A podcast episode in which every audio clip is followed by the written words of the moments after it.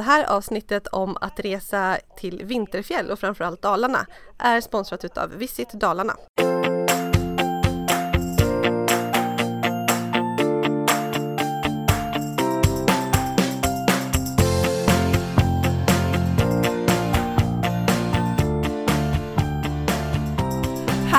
Jag i ett 30 grader varmt Thailand och ska podda om svenska vinterfjäll. Kontrasten är väldigt stor, men jag har det färskt i minnet för det var inte länge sedan jag var där och Lisa, du har ju precis nästan också varit där. Du befinner dig på andra sidan jorden, på andra sidan Skype och ni lyssnar på Att Resa-podden med mig, Annika Myre, som driver bloggen Resfredag och så är det då Lisa. Precis, med bloggen letsgoexplore.se som nu efter några avsnitt eller några veckor med mitt nya namn börjar kännas som fullt naturligt att säga. Så exakt, före detta livet från den ljusa sidan.se men numera letsgoexplore.se. Och jag Annika, jag sitter i ett vintrigt eh, Nacka. Eh, det är lördag morgon och för en vecka sedan idag så var jag med eh, familjen höll jag på att säga och det var familjen, bara inte alla familjemedlemmar men vi var i Idre fjäll i nordvästra Dalarna och hade en helt fantastisk eh, skidhelg. Och vi kommer ägna hela det här poddavsnittet om att faktiskt resa till svenska vinterfjäll och det här har varit ett önskemål faktiskt från våra poddlyssnare på temaavsnitt. Vi vill veta mer om tips och råd om att åka skidor i Sverige. Vad ska man åka och vad ska man göra? Och eh, det passade utmärkt att vi fick en fråga från Visit Dalarna om att komma och uppleva lite mer av Dalarna tillsammans med dem. Men framför allt så har vi en äkta dalkulla i form av Lisa och det här ligger i din DNA Lisa. Ja men det gör verkligen det. Så någonstans är det så här, Alltså det är helt sjukt att vi inte har pratat mer om Dalarna innan för det är det vi kommer fokusera på i det här avsnittet och inte bara skidåkning utan vad Dalarna har att ge jättemycket framförallt vintertid då. Och ja, men det är ju så här, vi säger att det här är en personlig podd. Det är liksom det som är eh, vår inriktning på den, våra upplevelser, tankar, reflektioner men samtidigt bjuda in gäster och prata om annat också. Men alltså Dalarna, ja jag är född och uppvuxen i Bålänge Borlänge eh, som ligger i södra Dalarna eller typ mellersta Dalarna kan man säga. Och du vet, vi har pratat så mycket om Sverige i podden. Vi pratar om att resa nära och vi har pratat om vår hemstad Stockholm. Vi har pratat om västkusten och Karlstad och Åre och alltså så många städer och ställen och inte minst Karlskrona Annika som du kommer ifrån. Mm. Ja, du har nämnt det en och annan gång så att säga. kanske en gång för mycket, men eh, ja, absolut. Ja, men det är liksom kärleken för dig dit är så stark och jag känner ju samma sak. Jag har bara inte varit fullt lika tydlig. Alltså Dalarna återkommer ju här i podden också men jag har inte riktigt eh, gett det samma utrymme som många andra ställen. Vilket är så märkligt för Dalarna det är ju landskapet i mitt hjärta och jag älskar Dalarna för att det finns så himla mycket. Och det är så vackert. Alltså jag vet inget ställe i hela Sverige eller typ världen som jag tycker att det är så fint som Dalarna.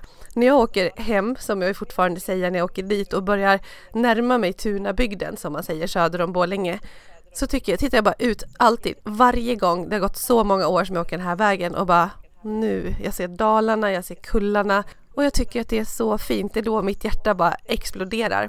Och på somrarna när vi gör långa så här roadtrips i södra Sverige och vi börjar ofta med Halmstad, västkusten, så här underbara pärlor. Så är det ändå när jag kommer till Dalarna och släktgården i Gagnef som ligger mellan Borlänge och Leksand som jag känner att här är jag hemma och det här är det finaste och bästa och hur kan man vilja ha något annat? Så. Ja, och det är så intressant där för att jag har varit så väldigt lite i Dalarna. Men nu när vi skulle spela in det här avsnittet så fick jag så här jättestark minnesbild. Så jag messade mina syskon faktiskt och frågade för när jag var inte gammal så vet jag att vi åkte upp till Dalarna och firade midsommar. Så jag sitter där, jag är två, tre år och sitter på en dalahäst. Och det här, alltså det är typ det som jag har haft av Dalarna i min uppväxt och det var så totalt främmande för mig som spenderade hela somrarna vid havet. Eh, sen har vi ju varit i, i Dalarna ett par gånger tillsammans med familjen och firat jul efter det. Vi har varit i Sälen. Men annars så har, har ju min bild av Dalarna varit det som du har förmedlat faktiskt. Så du har varit min ambassadör.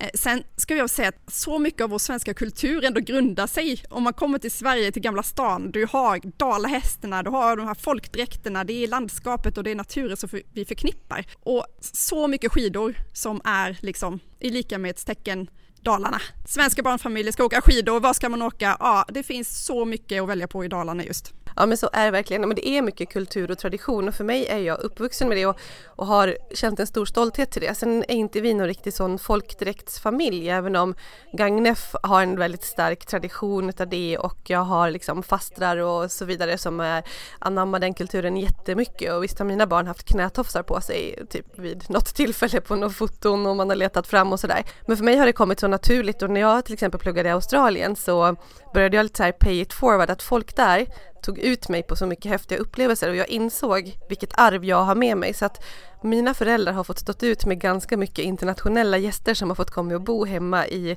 i deras hus ihop med mig och sen har jag tagit dem Siljan runt. Så jag har gjort allt det här, du vet eh, dalahästtillverkningen i Nusnäs tillsammans med internationella gäster och försökt ge en dos utav, utav Dalarna. Så jag älskar ju att vi ska frossa i Dalarna och framförallt vinterdalarna då i det här avsnittet. Så att jag känner att shit, vi måste nog köra igång annars kommer jag bara sitta här och vara nostalgisk och prata känslor. Jag tror att vi måste gå in lite mer på varför ska man åka till Dalarna och vilken skidåkning finns det? Vart ska man åka och eh, vad kan man göra utöver det?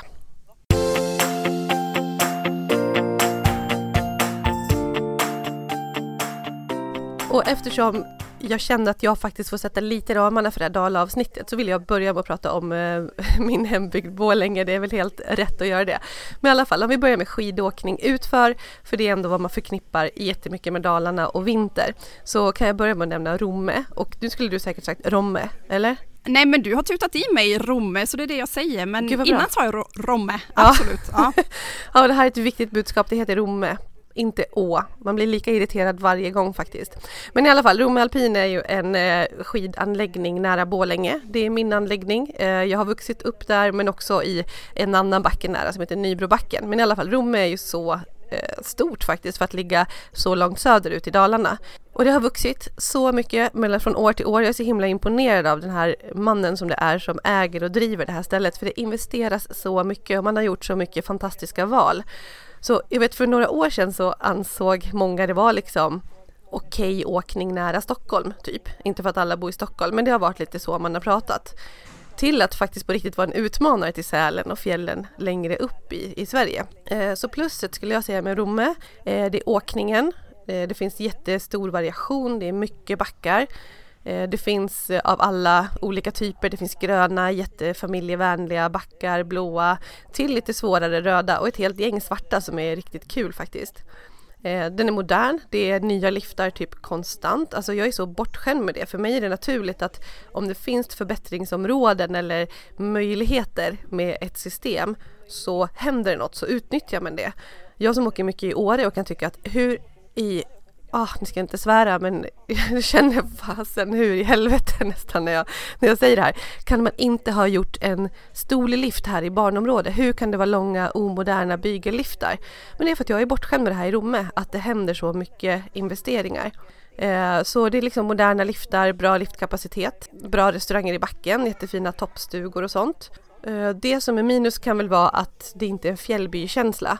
Det finns en stor lodge, alltså så amerikansk lodgekänsla som är superfin och som har hotellrum och också sviter och så familjesviter som är väldigt familjevänligt och härligt. Men eh, det är inte Fjällbykänslan och det kan vara väldigt mycket folk. Men Rom är en grym anläggning tycker jag och eh, ja, finns alla olika svårighetsgrader och passar familjen. Och vill man ha ett annat alternativ med mindre folk, lite mindre anläggning generellt så är det Bjursås utanför Falun som jag skulle kunna nämna lite i samma kategori. Mm. Romme, ja. lägg det på minnet då. Mm. Ja. Um, nästa tränings och familjeanläggning, för det är så de kallar sig, det är Orsa Grönklitt och här var jag tillsammans med min familj precis innan jul. Vi åkte dit någon dag innan skolan slutade och åkte därifrån vidare till Göteborg kvällen innan julafton. Och det var precis ett sånt magiskt vinterlandskap som man kan tänka. Alltså det bästa, bästa, bästa uppladdningen inför jul fick vi där. Och den känslan som jag skulle vilja ha av ett vinterlov fick vi tillsammans som familj i Orsa Grönklitt. Och jag hade inte jättebra koll på det här, jag har hört talas om det tidigare. Men vi blev förvånade över hur, hur nära ändå det ligger Stockholm. Det ligger 30 mil från Stockholm ungefär. Jag brukar säga att det här är då liksom en första smak av fjällen om man kommer söderifrån. Så det är väldigt bra för oss som, som bor i Mellansverige och i södra Sverige och faktiskt inte behöver åka så himla långt upp men ändå få smak av, eh, ja, men av fjällvärlden och att det också är så pass snösäkert som det är. För den anläggningen ligger vid ett berg som heter Grönklitt som är ungefär 500 meter högt då. Så att det är, det är bra med snö. Och det är småskaligt men det är inte så litet så, som man känner sig liksom att, att det är en backe och ingenting mer. För det är verkligen en känsla av att du kommer till en, en familjär anläggning där det finns allting som du behöver. Men väldigt, väldigt familjevänlig. Um, för oss, för vår familj, alltså vi har nämnt här tidigare att jag är ju jag är ju inte den naturliga skidåkaren, utförsåkaren. Eh, så jag ville verkligen åka någonstans där det fanns bra familjevänliga backar där vi tillsammans kunde åka eh, och att jag fick bra förutsättningarna för att inte liksom slängas in i det värsta Åres-suset liksom, där det bara ja men du vet susa förbi proffsiga personer överallt där jag känner mig inte speciellt hemma. Jag tyckte att vi fick en jättebra, lugn upplevelse. Alla var väldigt vänliga, det var liksom, ja men det kändes familjärt, det är en bra känsla, eh, ett bra ord. Och det som du saknade då med, med Romme, den här fjällstugekänslan, det finns ju i Orsa. Eh, det är små eh, ja, men fjällstugor som man bor i olika områden då. Vi bodde i något som heter Toppbyn som var i direkt anslutning till backarna. Man kunde gå ner till barnområdet och till, eh, till centrum då där du hade skiduthyrningen och restaurang och allting som, ja men liksom centrum. Men det som Orsa Grönklitt är, skulle jag säga mest känt för är väl ändå deras längdskidåkning när jag var där och rapporterade på liksom, sociala medier så fick jag jättemånga meddelanden från kompisar och eh, bekanta som sa att ah, men, ah, men där har jag varit och vi brukar åka dit för att träna inför Vasaloppet. De har superbra längdskidåkning, de har 13 mil längdspår i olika utförande och eh, Ja, men det är många som kommer hit för att träna upp sig inför Vasan och de är jätteduktiga instruktörer och har, har väldigt, väldigt bra spår. Så du kan absolut få den här, du kan få utförsåkningen. Folk åker inte dit för den svåraste utförsåkningen, det ska man veta, men oss passar det helt perfekt. Ja men precis, för längdskidåkningen, jag har så mycket vänner både i Dalarna och också här i Stockholm som åker till Orsa och är så här, tycker att det är ett unikt träningscenter eller liksom för just längdskidåkningen och för att det är så fint och en så himla mäktig känsla. Så jag har folk som åker dit år efter år och också som har barn som åker skidor och liksom där föräldrarna tycker om att åka ut för också men att Orsa har något speciellt. Det är så många som känner att det har en speciell plats i deras hjärta och det är så många som åker dit för helheten och just det här med att träna och ofta har de en ganska tidig säsong också har jag förstått på, på längdskidåkningen så att eh, Ja, har du varit där själv och åkt Lisa? Nu är inte jag så mycket längdskidåkare så, så att eh, nej, jag har faktiskt inte det. Mm. Men sen gjorde ni mer grejer också, eller det finns mer att göra där? Ja, alltså vi var ju där som sagt eh, veckan innan jul så det var väldigt mycket fokus på här juluppladdningen. Vi åkte bland annat skoter ut en skotertur, det var en av de finaste grejerna på resan. Tomteresan hette det. Och då var det sent på kvällen innan julafton då eh, fick vi sätta oss eh, på ett släp efter en skoter och åka ut i skogen. Och det var fullmåne, det var helt Alltså så fint ute, månen lyste över träden och granarna och Nelly, vår fyraåring, hon var så här, alltså vi ska åka ut och träffa tomtenissarna nu. Vi ska verkligen ut och, och kolla vad de gör. Eh, så möttes vi av en, eh, av en tomtenisse som stod med sin eh, lilla lykta och som smög med oss ut i skogen då där det var, ja men längre bort så var det så här tio stycken tomtenissar som stod och jobbade och liksom kastade paket till varandra och det var facklor och vi fick stå och tjuvlyssna på de här då. Och det var alltså våra barn, till och med vår tioåring kunde man se, han var lite så här, han ville inte låtsas om det men oj, det var det var spännande. Mm. Och så fick de varsitt paket. Ja, det var så bra upplägg. Så de är väldigt duktiga på att plocka upp eh, barnaktiviteter generellt skulle jag säga. De har ju sin maskot som är ett blåbär som heter Barra och då brukar de ha, ja men det är så här glasskalas och födelsedagskalas en gång i veckan och de har alpina tävlingar som har fokus på den här Barra då. Men inte bara liksom, om man inte tycker om att åka skidor om jag hade åkt dit för ett par år sedan och då hade skyllt på att jag var gravid eller liksom småbarn eller sådär så finns det ändå en massa saker att göra. Det är väldigt, väldigt fint, väldigt vackert, många bra ställen att promenera på, det finns bra pulkabacke, men så ligger det precis bredvid Orsa rovdjurscentrum också. Det kallas för Björnparken innan va? Ja precis. Och hur var det, var ni där? Ja, det är, ligger ju så fint som man åker stolsliften upp eh, till toppen så åker du över rovdjursparken och det är ett jätte jätte, jätte, jättestort område då där djuren kan gå omkring eh, och det är framför allt alltså de här utsikterna där uppifrån och den miljön och sen djuren. Det var väldigt, ja det var superfint alltså. Och så har de bra informationsställen om djuren, de berättar en massa. Eh, Sebastian var med mig då, min tioåring och fick lära sig massa om isbjörnar och om Svalbard, hur det är där och, och, och Nelly gillade väldigt mycket rovdjurscentrum, alltså att man fick leka med massa, det var massa gosedjur med tema på de djuren som de har där och ja men det fanns något för alla, ett mysigt café också. Så eh, det var väldigt lyckat för oss. Mm.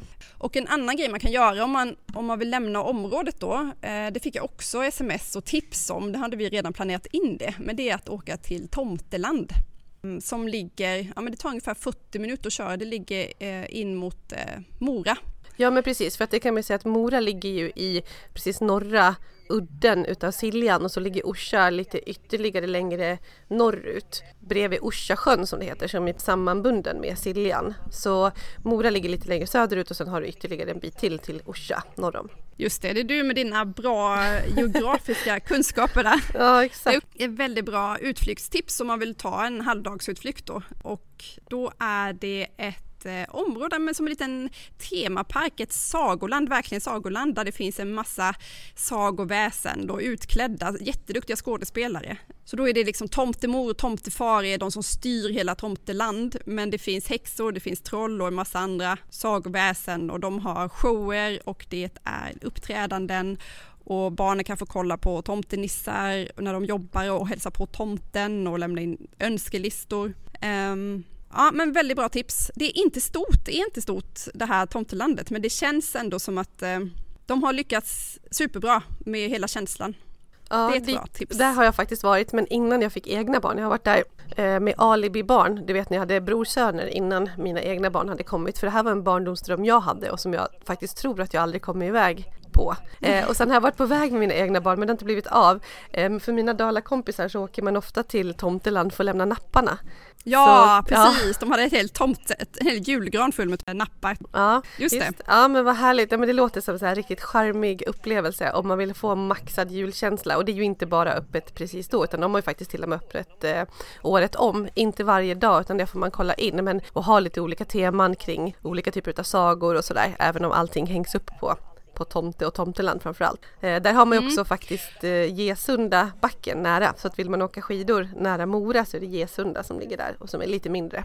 Ja det hade jag uttalat Gesunda så det är bra att du säger det. Gesunda alltså? Ja, det skulle jag säga. Mm. Mm. Ja. Men andra tips eh, om, om du befinner dig då i Orsa Grönklitt och vill göra andra aktiviteter än att bara åka utför eller längdskidor. Det är ju också att det, om det finns eh, skoterturer. Vi tog en skotertur till eh, ett skoterpaket och käkade på Smidgården. Jättefin, bra restaurang med eh, bästa måltiden käkade vi där. Eh, tog tio minuter ungefär med, med skoter. Så då fick du den här skoterkänslan sent på kvällen genom skogen. Eh, blev upphämtade då nere vid centrum eh, och skjutsade tillbaka. Väldigt bra tips. Men en sak som vi skulle gjort Lisa, som faktiskt inte blev av, eh, det var en sån bucket list grej att åka hundspann. Det var inte riktigt tillräckligt mycket med snö, men det kan man göra där också när det finns, de, när det finns förutsättningar.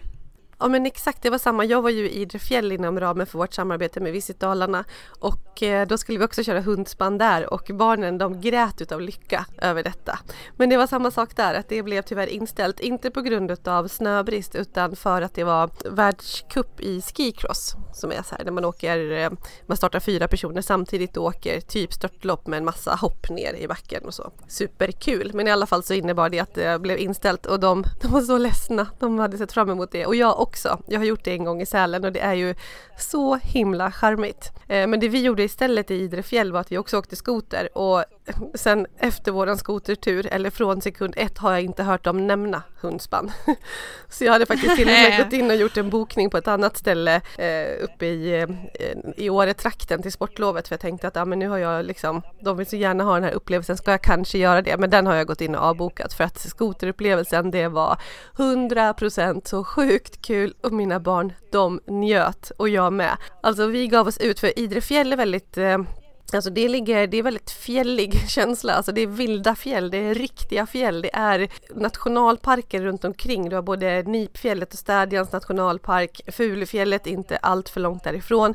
Det är så fina omgivningar och Städjan är ett av Dalarnas högsta berg som har en väldigt karaktäristisk eh, silhuett så fint och vi åkte ut på eftermiddagen så det var precis att månen var framme och vi hade också sån tur att det var fullmåne i princip. Kanske saknades en dag eller två för att den mesta skulle vara. Men den började ju visa sig skarpare och skarpare för varje minut och ljuset över fjällen gick ju från ljust till det här blå skenet som det blir på eftermiddagen och inte minst i januari. Alltså så fint. Snön glittrade. Det var lite lite snö på träden så det var inte vita träd men det var alltså känslan var så mäktig. Och sen det här med skoten med hastigheten för vi var ju ute länge på en skotersafari med ett företag som heter Idre Adventures och eh, då fick vi verkligen åka på så här långa leder ut på fjället, fick det bästa av bästa och i ett par timmar eller i alla fall en och en halv. Och det var så kul, det gick snabbt, du vet och det är tyst förutom de här kraftfulla motorerna. Det känns liksom, nej men det här är adrenalin och puls men samtidigt väldigt behagligt bara.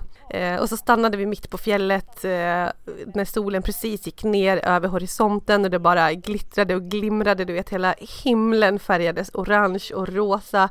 Och så hällde de upp kaffe där du vet i små kaffekoppar, kokkaffe från termosen och ja, käkade renkorv och vi såg renar ute på fjället också. Ja men det var så fint. Skoter. Mm.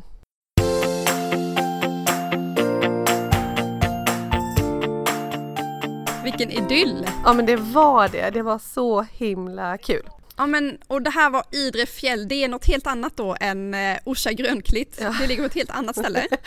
exakt, nu har vi bytt här.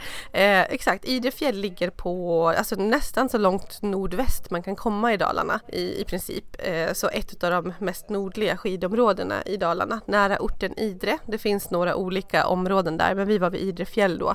Det är ett skidområde som faktiskt ofta blir framröstat som topp tre, topp fem i Sverige. Det är så många som tycker att Idre fjäll är så härligt och jag förstår det. Det är verkligen supermysigt. Eh, det är kanske inte är den allra högsta toppen om man jämför med ja, men, Åreskutan eller liknande så. Men det är, det är så mysiga backar och man åker då på ett fjäll eller ett berg och sen åker man på alla sidor av det här berget så att alla fyra väderstrecken nord, syd, ost och väst. Och backarna heter också så. Och man kommer ofta ner, om man åker till exempel i ostområdet så kan man välja att åka någon utav flera backar som går parallellt och som då har färger, alltså svårighetsgrad från grön via blå till röd till svart och ändå samlas vid samma lift. Så det innebär att om man är några i en familj som ligger på lite olika nivå eller så, så kan man alltid välja olika pister, man i princip ser varandra men samlas nere på samma ställe. Så det är väldigt inkluderande. Det är ett ord som kom tillbaka till mig gång på gång för Idre fjäll. Mysigt och liksom, ja, inkluderande. Skönt. Eh, och det var samma sak där att om jag pratade gott om Orsa så är faktiskt Idre fjäll ett sånt ställe också som jag fick en massa mess med folk som bara Åh, Idre, det är min favorit. Alltså det är ett ställe som många knyter till sig, knyter till sina hjärtan. Hade du varit där som barn någonting eller var det här liksom första gången för dig?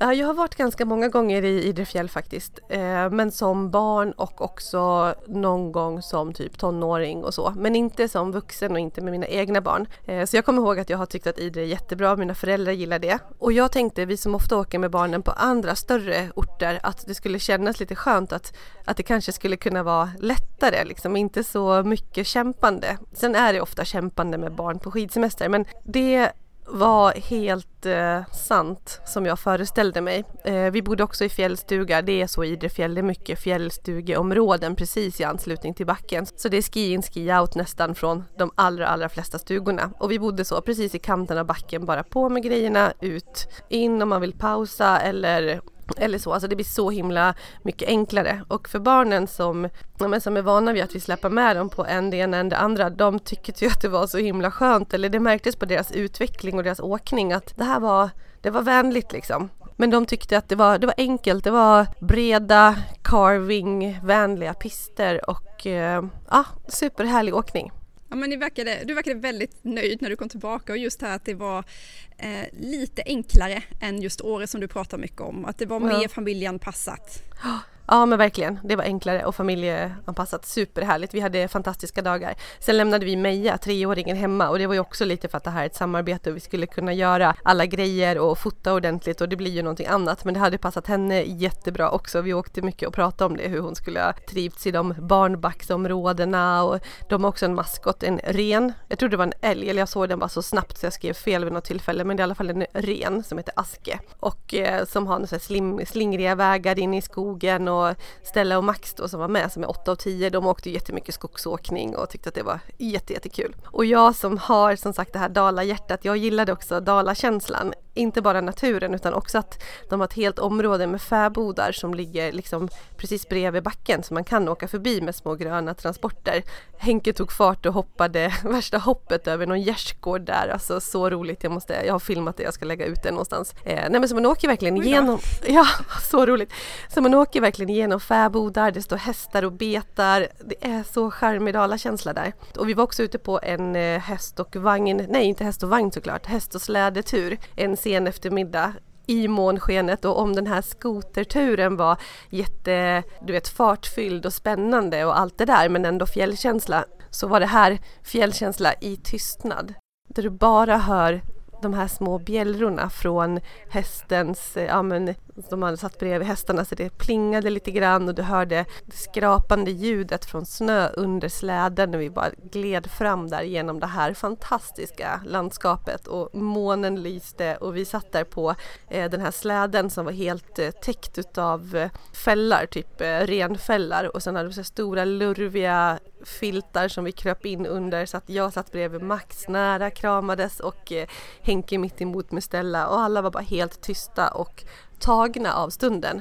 Ett tag var jag nästan så här, tycker de att det är tråkigt nu? Men det var tvärtom, alltså att de bara eller jag trodde inte de tyckte Nej. det för jag tyckte själv det var så fantastiskt. Ja men exakt, det var som att vi hade gått in i någon bubbla och jag tänkte att jag vill inte vara någon annanstans i hela världen och hur ska jag någonsin vilja vara någon annanstans i hela världen igen? För det är ju det här vinterlandskapen, stillheten, den här kvaliteten med barnen, det är det. Ja, det var mäktigt. Alltså samma kväll som du la upp på bloggen om den här, ja, på sociala medier om den här eh, eh, slädturen med häst så lyssnade jag med Nelly på ljudsaga. Jag lyssnade på Madicken när Elisabeth åker genom skogen på, med häst och eh, släde och jag tänkte men ah, det här känns precis som Lisa och hennes familj. Det var en sån Astrid Lindgren saga såg det ut på bilderna. Ja vi pratade om det faktiskt. Tänk när man behövde åka så här förr i tiden till, eh, när man skulle till en läkare som inte fanns i samma by och ja, men du vet det blev så mycket fina fina samtal.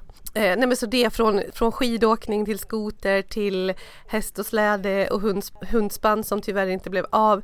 Men det finns så mycket att göra där och de har också mer aktiviteter runt omkring. Alltså Idre känns som, ja men jag vet inte, om man tänker charterhotell och där du har de som är allra mest barnanpassade. Du har typ allt där, lite så känns det i Idre. Du har bowling, du har bad, du har så här, det är barnens afterski, det finns idrottshall som du kan boka och göra vad du vill. Och mycket kretsar så kring, såklart kring stuglivet och det. Men det är ändå otroligt stor närhet och närhet till det lilla torg där allt finns och restauranger. Det finns några stycken som är riktigt bra faktiskt. Så att, äh, nej men det var fantastiskt. Så jag skulle säga att det här Idrefjäll är grymt för barnfamiljen och eh, åkare, ja men medel, inkluderande från lätt till medel och medel plus. Och de har också Dalarnas brantaste backe så det är klart det finns något för alla.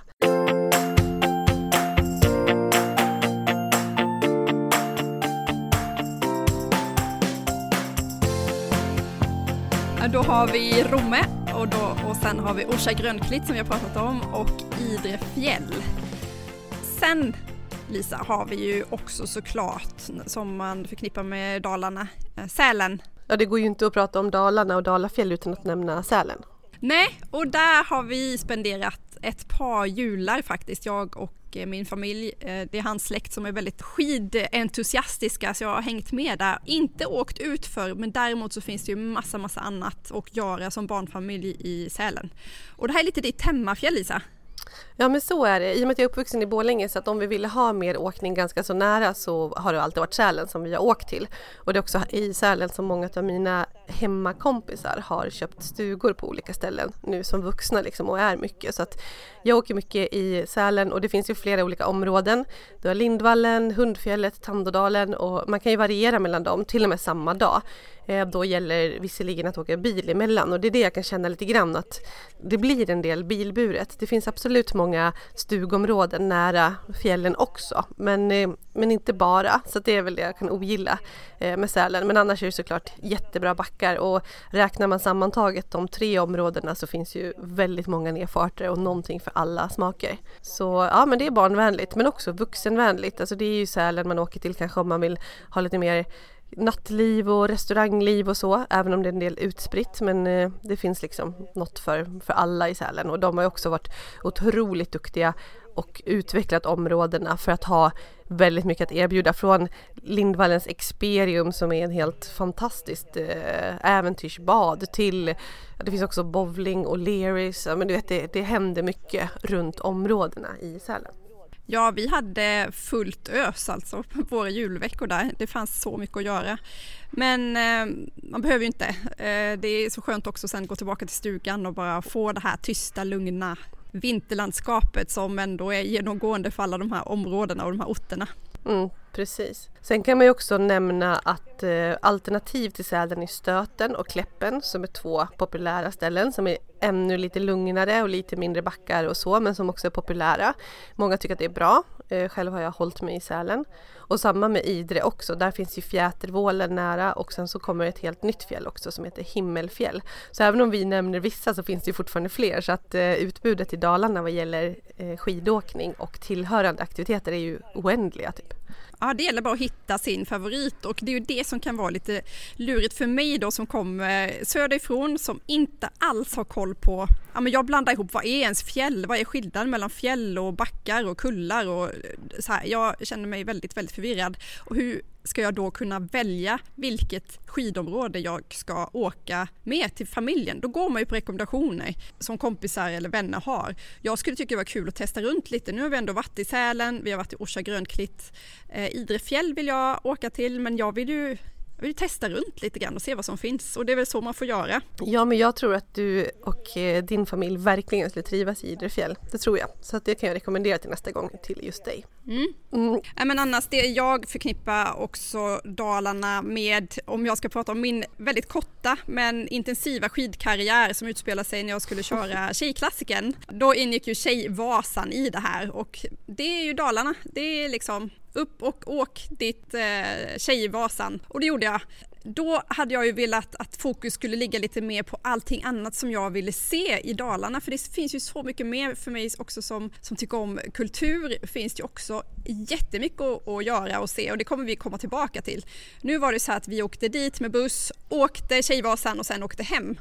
Inte optimal uppladdning för mig, men jag fick ju ändå den här känslan av allt det som man ser på TV, de här klockorna som ringer, folk som står och hejar i spåren, den eh, varma blåbärssoppan, hela känslan. Jag trodde aldrig att jag skulle faktiskt ta mig igenom det här och göra det och jag är, alltså det är en av mina stoltaste dagar. Jag har typ aldrig gråtit eh, av lycka och av frustration samtidigt för det var, det var hemskt och det var fantastiskt på en och samma gång. Men vilken prestation, alltså wow, så bra gjort verkligen. Det är ju fascinerande ja. Annika, att du och jag gjorde det samma år.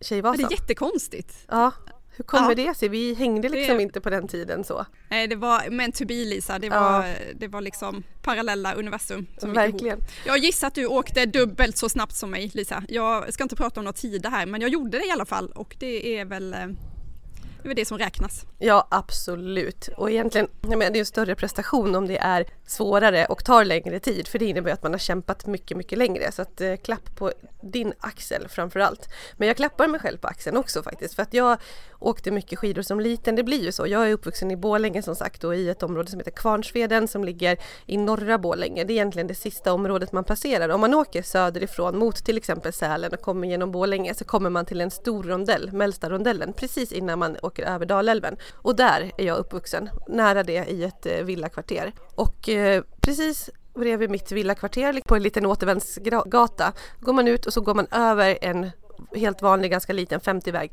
då står man i skidspåret. Det är alltså typ 50 meter hemifrån min port till att man står i spåren och då menar jag alltså ett helt område där du har elljusspår och spår i alla möjliga längder och så vidare så att jag är ju uppvuxen med det här men jag hatade det när jag var barn. jag älskade inte det. Ja, Nej, men jag var Nej. ute ibland och min pappa han är så här hurtig eller mina föräldrar är det och de har ju försökt få med mig och framförallt pappa tyckte om att åka längdskidor och man skulle ut och det, det slutade alltid med att jag stod och grät i någon uppförsbacke och tyckte att pappa hade vallat mina skidor dåligt och alltså det var så mycket konflikter kring det där. Fy vilket hemskt barn jag var. Nej men hur kom det sig att äh, älskade du utför från ja, början? Ja, absolut. Att, ja. Ja det har jag alltid älskat. Det fanns liksom i blodet? Ja, nej men jag var väl lat helt enkelt. Det är jobbigt med längdskidor.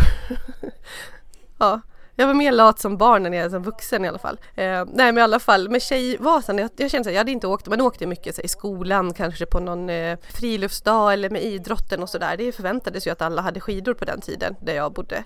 Men sen hade jag inte åkt på många år, så jag åkte sista gången med skolan någon gång på typ mellanstadiet kanske. Och sen som vuxen så kände jag att men jag tror att jag skulle kunna älska det nu. För nu är jag inte lika lat längre, eller jag tycker inte att det är lika jobbigt eller obehagligt att bli trött. Tvärtom så gillar jag ju att bli fysiskt utmattad så att jag bara, men det här kan nog vara en träningsform som jag kan älska för jag älskar ju naturen och jag älskar ju att springa och tystnaden och lite det här meditativa.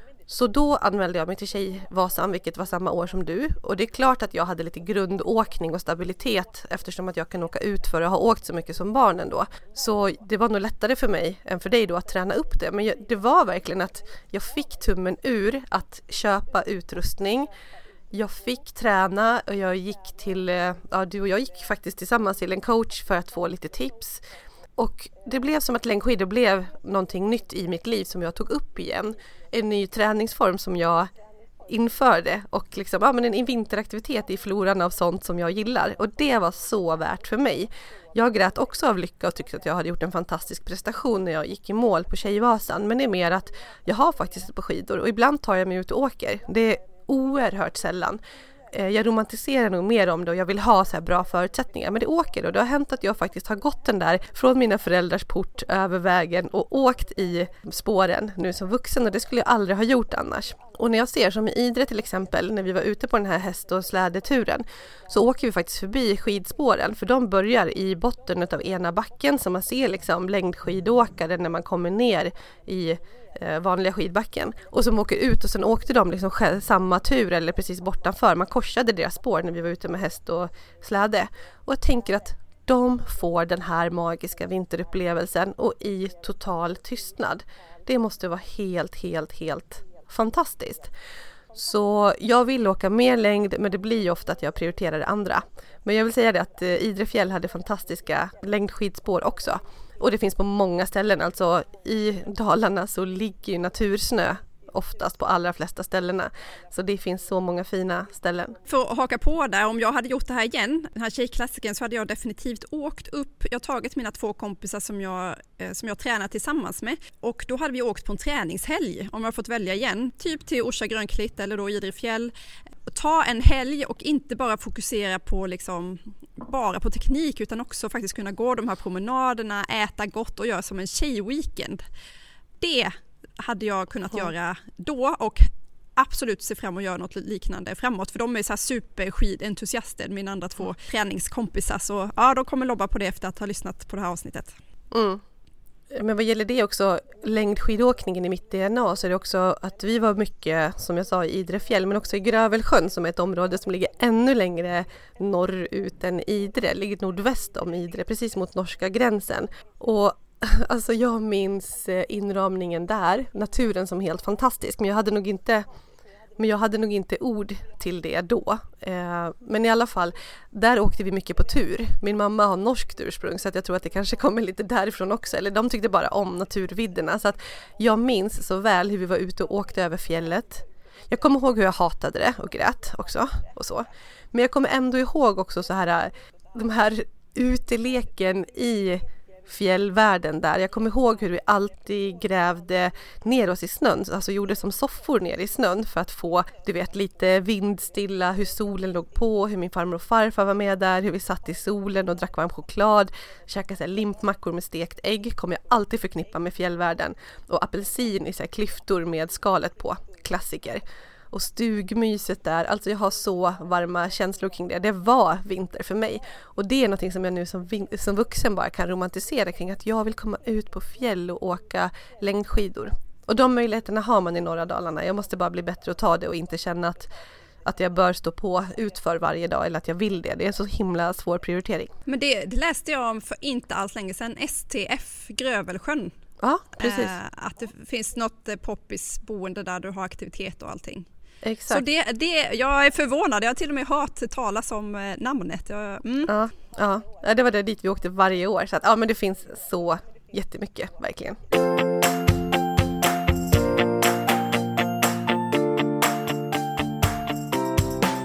Förutom alla de här eh, ja, men skidupplevelserna, finns det något annat som du som familj skulle rekommendera? Alltså som familjeaktiviteter utöver skidorna och eh, häst och släde och eh, pulkabackar och sådär? Ja, men om jag ska prata Dalarna generellt så kan jag dra några olika tips och ställen som jag och min familj gillar.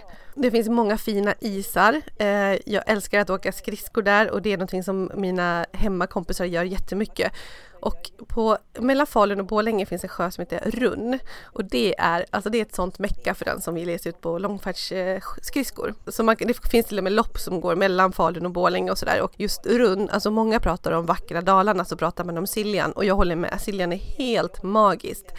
Och det blir lite så att Siljansbygden är lite fin områdena i Dalarna. Pratar man Borlänge-Falun så blir det lite liksom inte samma långa kanske tradition som man förknippar med eh, till exempel Mora eller sådär. Men ingenting kunde egentligen vara mer fel. Alltså tittar man på den här sjön Rund då, den är helt, alltså den är så himla fin och så här skärgårdslik verkligen. Och sen har du några fina orter där, typ Torsång som tillhör Bålänge, Ornäs på väg mellan eh, Falun och Bålänge. Och liksom, ja, Rund är en jätte, jättefin eh, sjö verkligen som jag gillar mer än Siljan helt enkelt. Och eh, ja, Främby udde finns ett ställe som heter, där kan man hyra skridskor.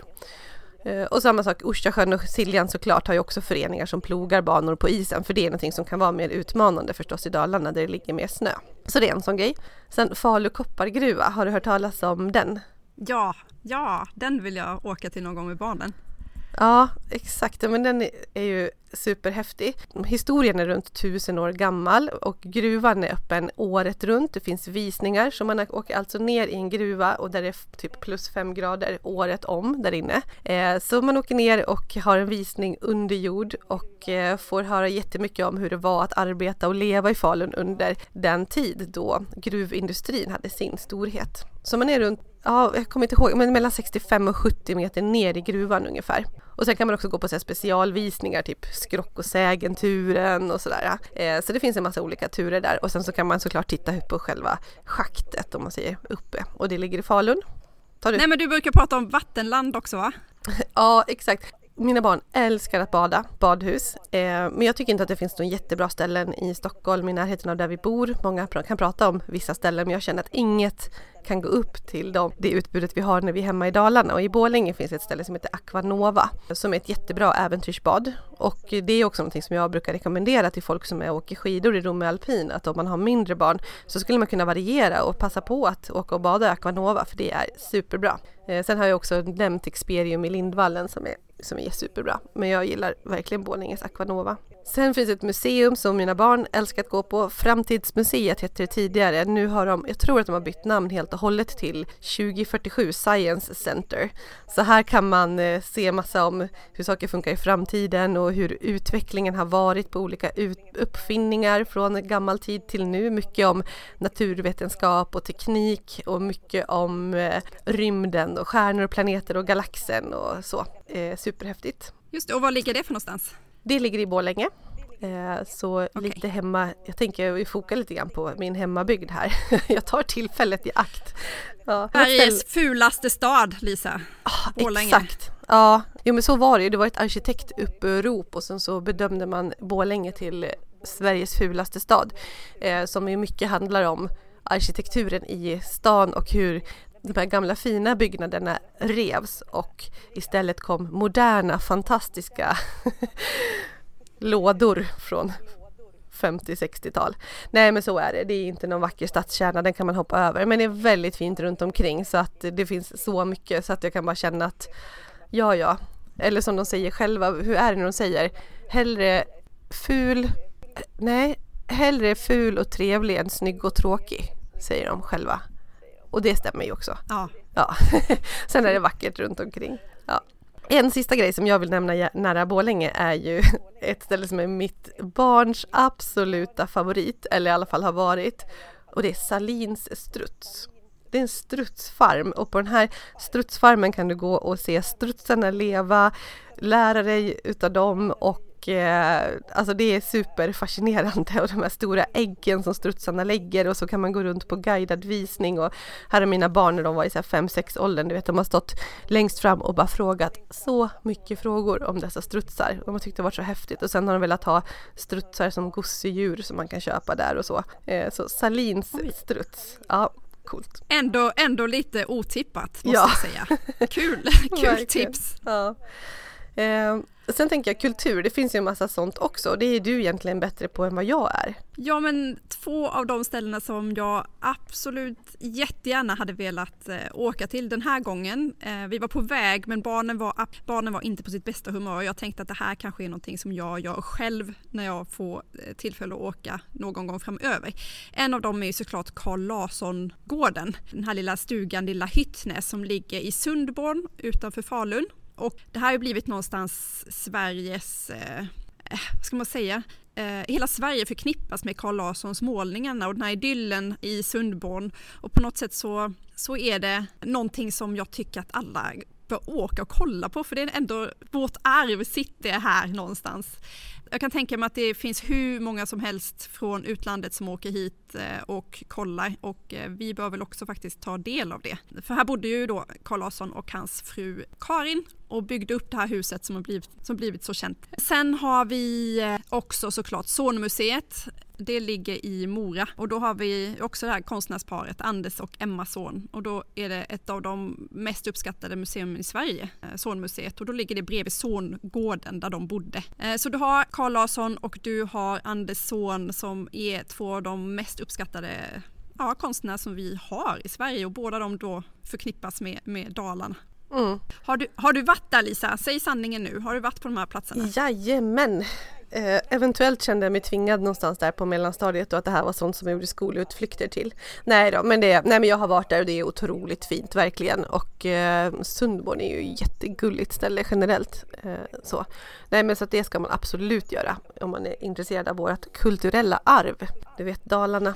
Sen har man också Ornässtugan som också ligger utanför Bålänge och som just ligger då i Ornäs som jag säger vid den här sjön Runn mellan Bålänge och Falun. Eh, jättevackert belägen på en udde och det här är ett av Sveriges äldsta museum och som är det ställe där Gustav Vasa gömde sig när han skidade genom eh, eh, Dalarna och som också är en av anledningarna till hela Vasaloppet och då var han i Ornässtugan i alla fall som är en jättevacker stuga som man kan åka och besöka. Just det. Och eh, en sista grej som vi faktiskt har nämnt precis i början på, på avsnittet det är ju Dalahästarna. Vi kan ju inte nämna Dalarna utan Dalahästarna och Nusnäs som du nämnde också. Jag tycker det var så intressant att läsa om de här, vad, vad det kommer för, vad det kommer från. De här hästarna som har blivit också då förknippade med eh, vårt svenska arv.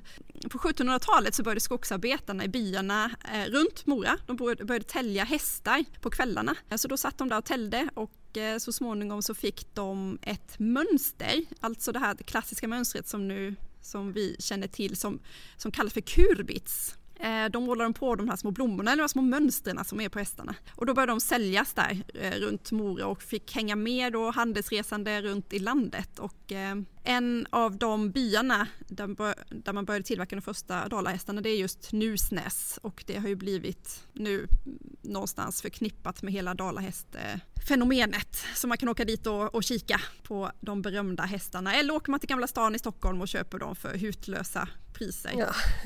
De kostar ganska mycket vart man än är faktiskt. Men det är väldigt fint, väldigt fint hantverk och det är jättekult faktiskt att besöka en sån här och se hur de, hur de växer fram. Det var en av de första grejerna, jag var hemma hos dig första gången. En av de första grejerna som mötte mig hemma hos Lisa var en eh, dalahäst. Det kändes mm. tryggt att komma hem. Ja. ja, de finns utspridda från alla möjliga tillfällen och åldrar och så här, någon som jag har ärvt från min farmor som inte lever längre och som är så här, fem från 50-talet och så ja, men de finns lite här och där. Det gör de i alla hem från alla som kommer från Dalarna, det kan jag garantera.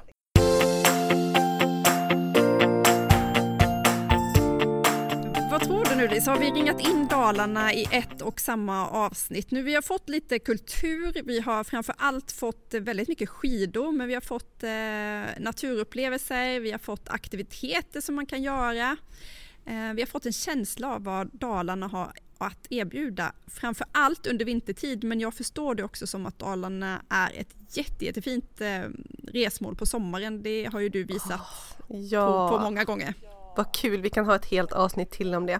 Men jag tycker vi har sammanfattat det jättebra. Vi har pratat skidåkning, vi har pratat om många ställen, om Romme för bra åkning, lite lättillgängligt eh, längre söderut. Vi har pratat om Orsa som är vackert, som är grymt för nybörjaren och även medelåkaren och som är ett genuint mysigt ställe och med mycket fokus på längd.